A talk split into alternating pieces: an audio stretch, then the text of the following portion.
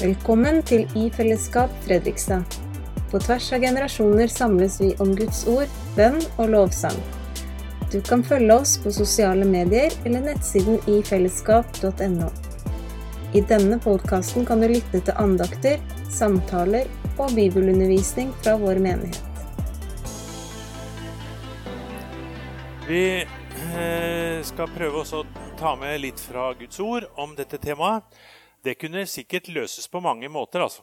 Eh, så, men kanskje det kan gi noen tanker, noe inspirasjon. Så er det så fint med Guds ord at det kan tale til oss på litt ulike måter ut fra hvor vi er hen.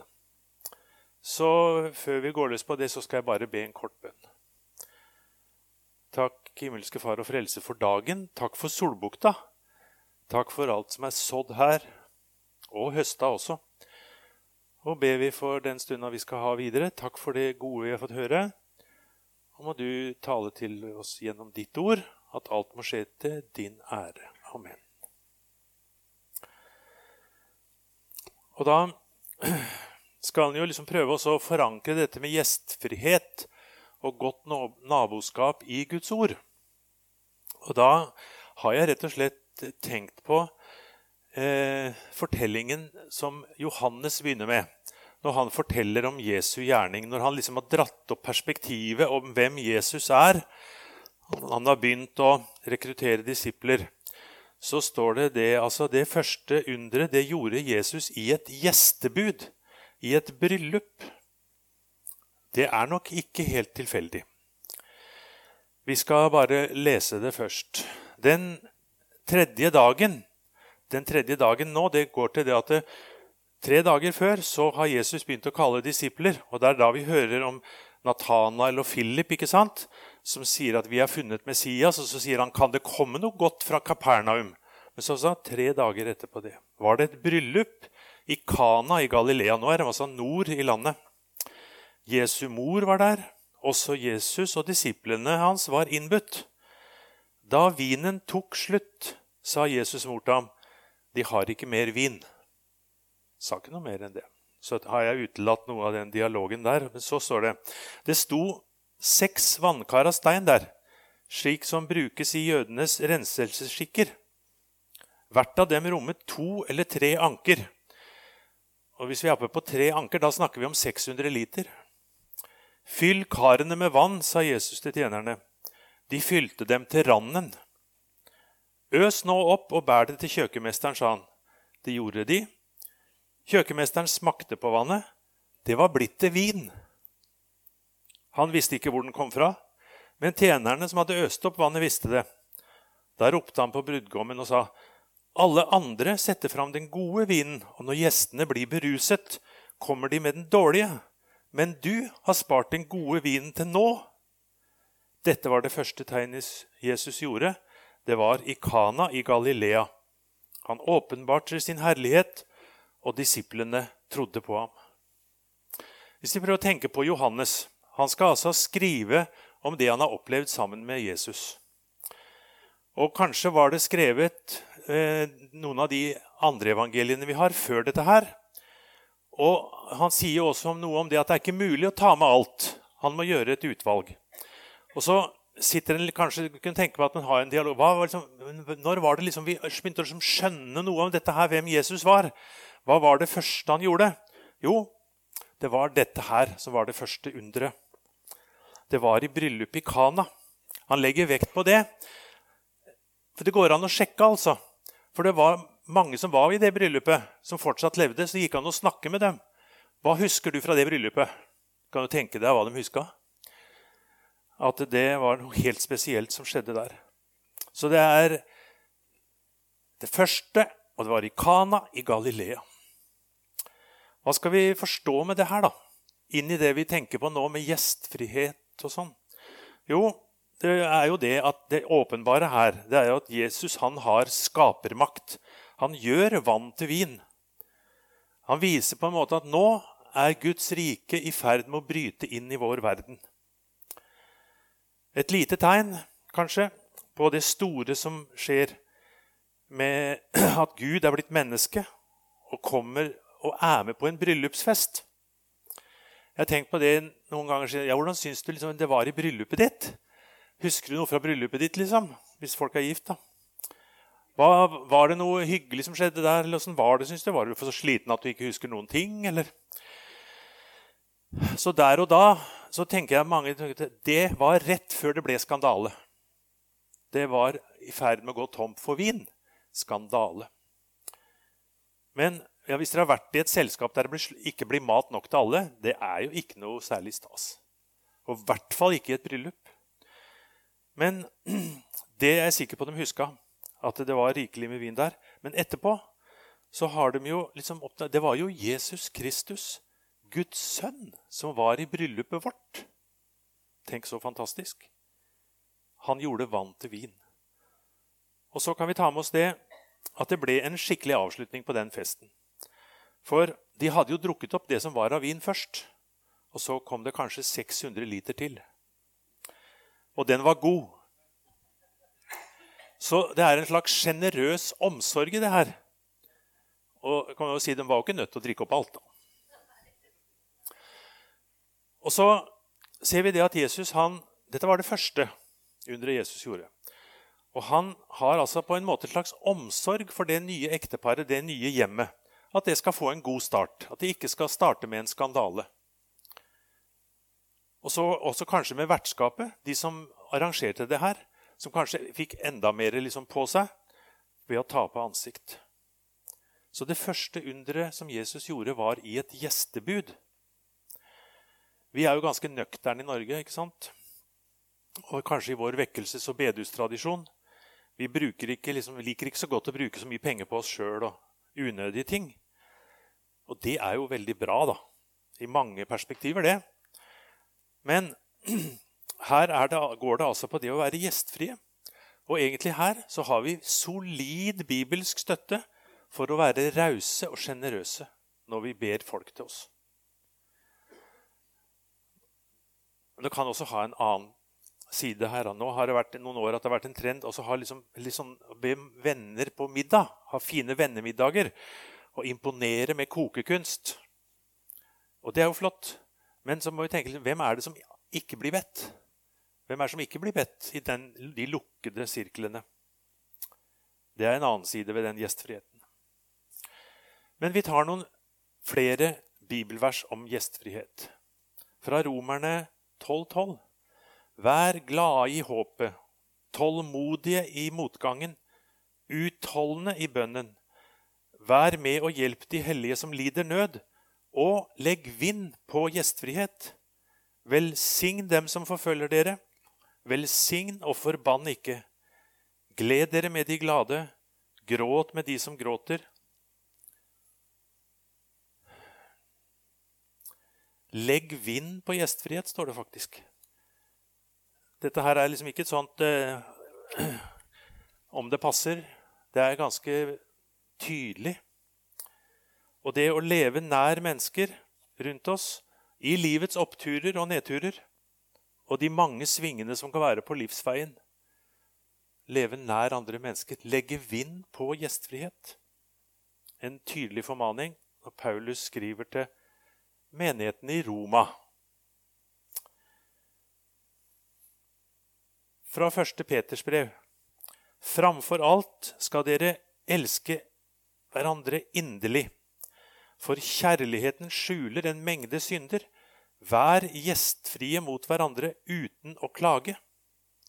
Her igjen det er ikke noe sånn hvis det passer, men det er veldig tydelig formaning, som vi sier.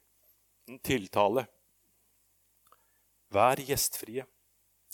Vi vet at Blant de første kristne så var det veldig store sosiale forskjeller. Vi lever i et samfunn der forholdsvis små sosiale forskjeller. Noen var slaver, noen var eh, helt uten eiendom. Andre i de kristne sammenhengene var faktisk eh, at de sogna inn mot eliten i samfunnet.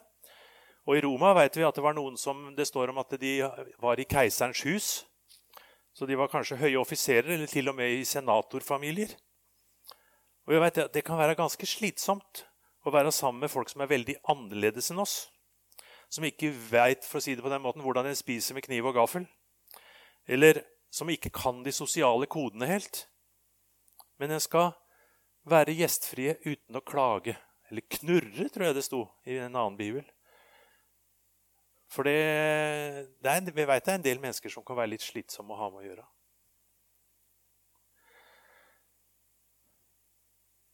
Og så har vi fra hebreerbrevet Glem ikke å være gjestfrie, for på den måten har noen hatt engler til gjester uten å vite det. Ja, Solveig Grandagen kalte meg en engel i stad. Men jeg tror ikke det var dette her hun tenkte på. Men det eh, er noe her, altså. Eh, også i hebreerbrevet så kommer dette her helt tydelig fram. Hva, det er veldig viktig, og det passer seg for en kristen å være gjestfri.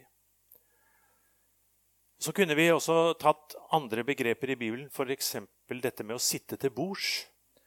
Det er en svær sak. Vi kunne dratt også utover og sett på det, det og utforske det begrepet. Å ha bordfellesskap, hva betyr det? Eh, vi ser jo det at Jesus får stadig spørsmål rundt det hvem han sitter til bords med. Hvem han tar inn hos. Og det er et bilde på himmelen og Guds rike, det å få sitte til bords i Guds rike. Det er noe helt intimt og viktig et sentralt bilde gjennom hele Bibelen, faktisk. Fra Salme 23. Du dekker bord for meg like foran mine fienders øyne. Det er et helt sentralt begrep. Men vi tar ikke det nå. Vi prøver også å se litt på det med godt naboskap. Og Det står noen bibelvers i Bibelen om det også. Fra Jeremia 29. Så sier Herren herskarenes Gud, Israels Gud, til alle dem som jeg har ført bort fra Jerusalem til Babel. De er altså eh, kommet til et fremmed land i fangenskap. Bygg hus og bo i dem. Plant hager og spis deres frukt. Ta dere hustruer og få sønner og døtre. Og ta hustruer til deres sønner og gift bort deres døtre, så de kan føde sønner og døtre. Bli tallrike der, og bli ikke færre. Søk den byens velferd som jeg har bortført dere til. Be for den til Herren, for når det går den vel, så går det dere vel. Se på det. Søk den byens velferd som jeg har bortført dere til. Be for den til Herren, for når det går den vel, så går det dere vel. Det er rådet til de bortførte. Vær gode borgere, medmennesker, innbyggere. Folk som engasjerer seg, stiller opp, og som deltar i samfunnet. Det er en viktig kristen dyd, faktisk.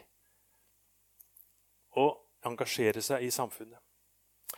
Da de starta de første kristne ungdomsskolene, og det var før det var noe som het ungdomsskole i den offentlige skolen Det var skoler der ungdom skulle lære seg et uh, yrke og få solid bibelopplæring. Uh, uh, og da skulle den gjerne da hadde en visjon om det, at disse her som hadde gått på ungdomsskole, sånn som det var på Fjellhaug den tida, og på Rødde f.eks., så skulle de seinere reise tilbake og bli viktige samfunnsborgere der de kom. Noen, Jeg leste om en skole på Vestlandet sa at vi har som mål at vi skal utdanne ordførere her. Folk som skulle inn i samfunnet og bli gode samfunnsborgere. Et fantastisk perspektiv på å være en god nabo og et godt medmenneske. Men vi finner det også i Det nye testamentet. Her er vi i 1. Timotius brev 2. Jeg formaner dere framfor alt å bære fram bønn og påkallelse, forbønn og takk for alle mennesker. Be for konger og alle i ledende stillinger, så vi kan leve et stille og fredelig liv med gudsfrykt og verdighet i alt. Dette er godt og noe Gud, vår frelser, gleder seg over. Han som vil at alle mennesker skal bli frelst og lære sannheten å kjenne. Det der med å leve et stille og fredelig liv med gudsfrekt og verdighet i alt, det er kanskje litt motsatt av det vi leste om i stad. Men det er faktisk ikke sånn at her er det et ideal å ta mye plass og få mye lys på seg sjøl og bli lagt merke til. Og liksom alltid være den som eh, får oppmerksomhet. Et liv som ikke søker å liksom stå i andres eh, syn og lys. Det er et bibelsk anliggende og et stille og fredelig liv med gudsfrykt og verdighet i alt. Noe med det å være en god nabo og et medmenneske.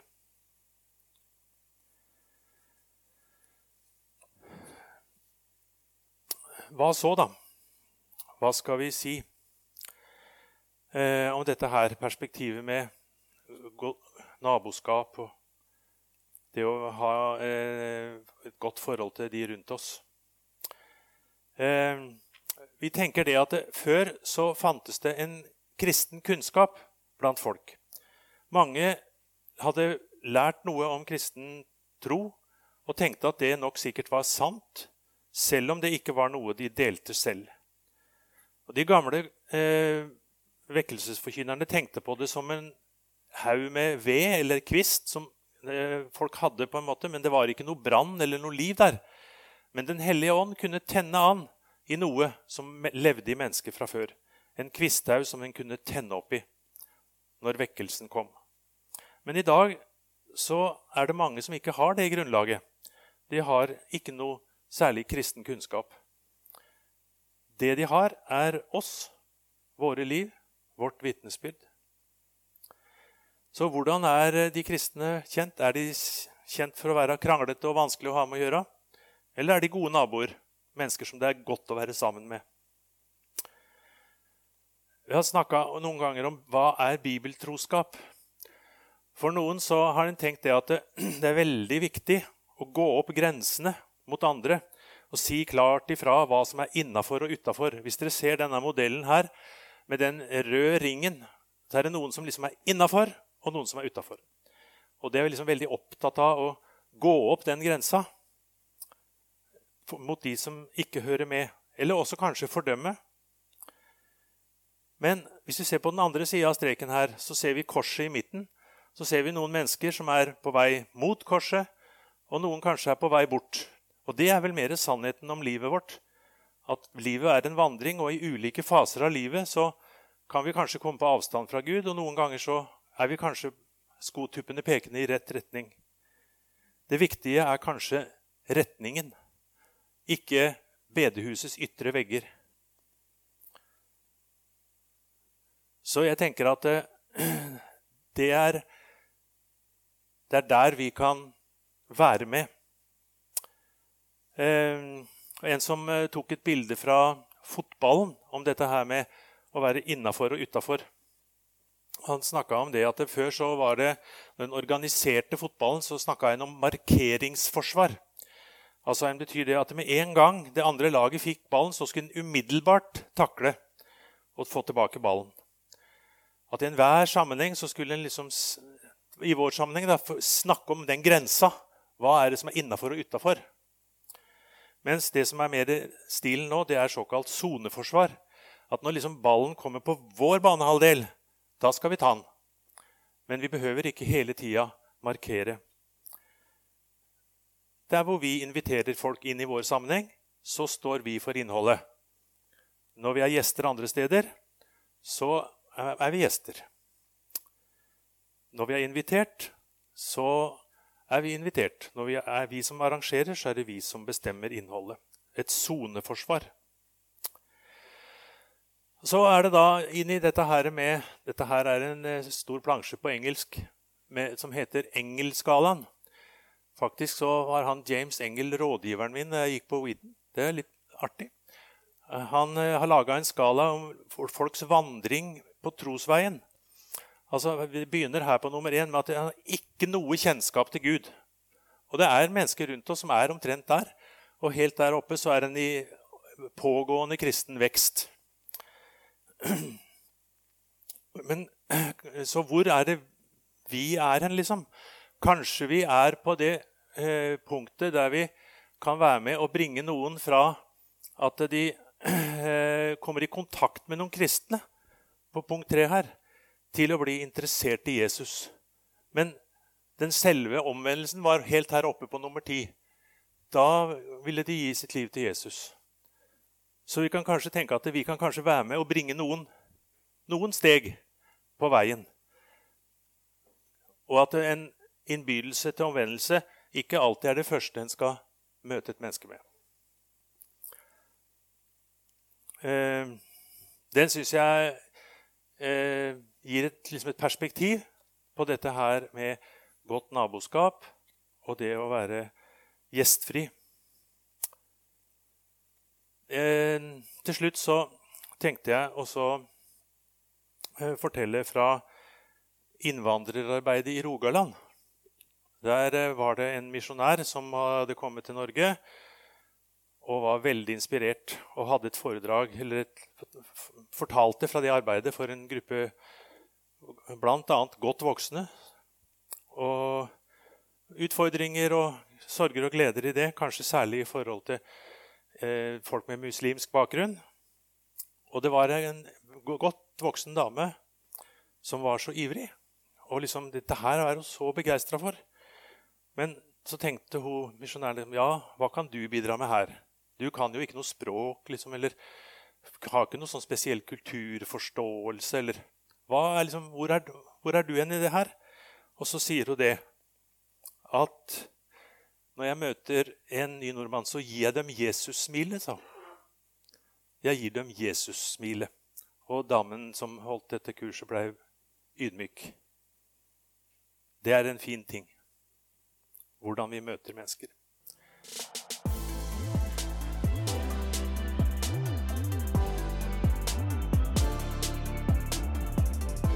Takk for at du har hørt på podkast fra I Fellesskap Fredrikstad.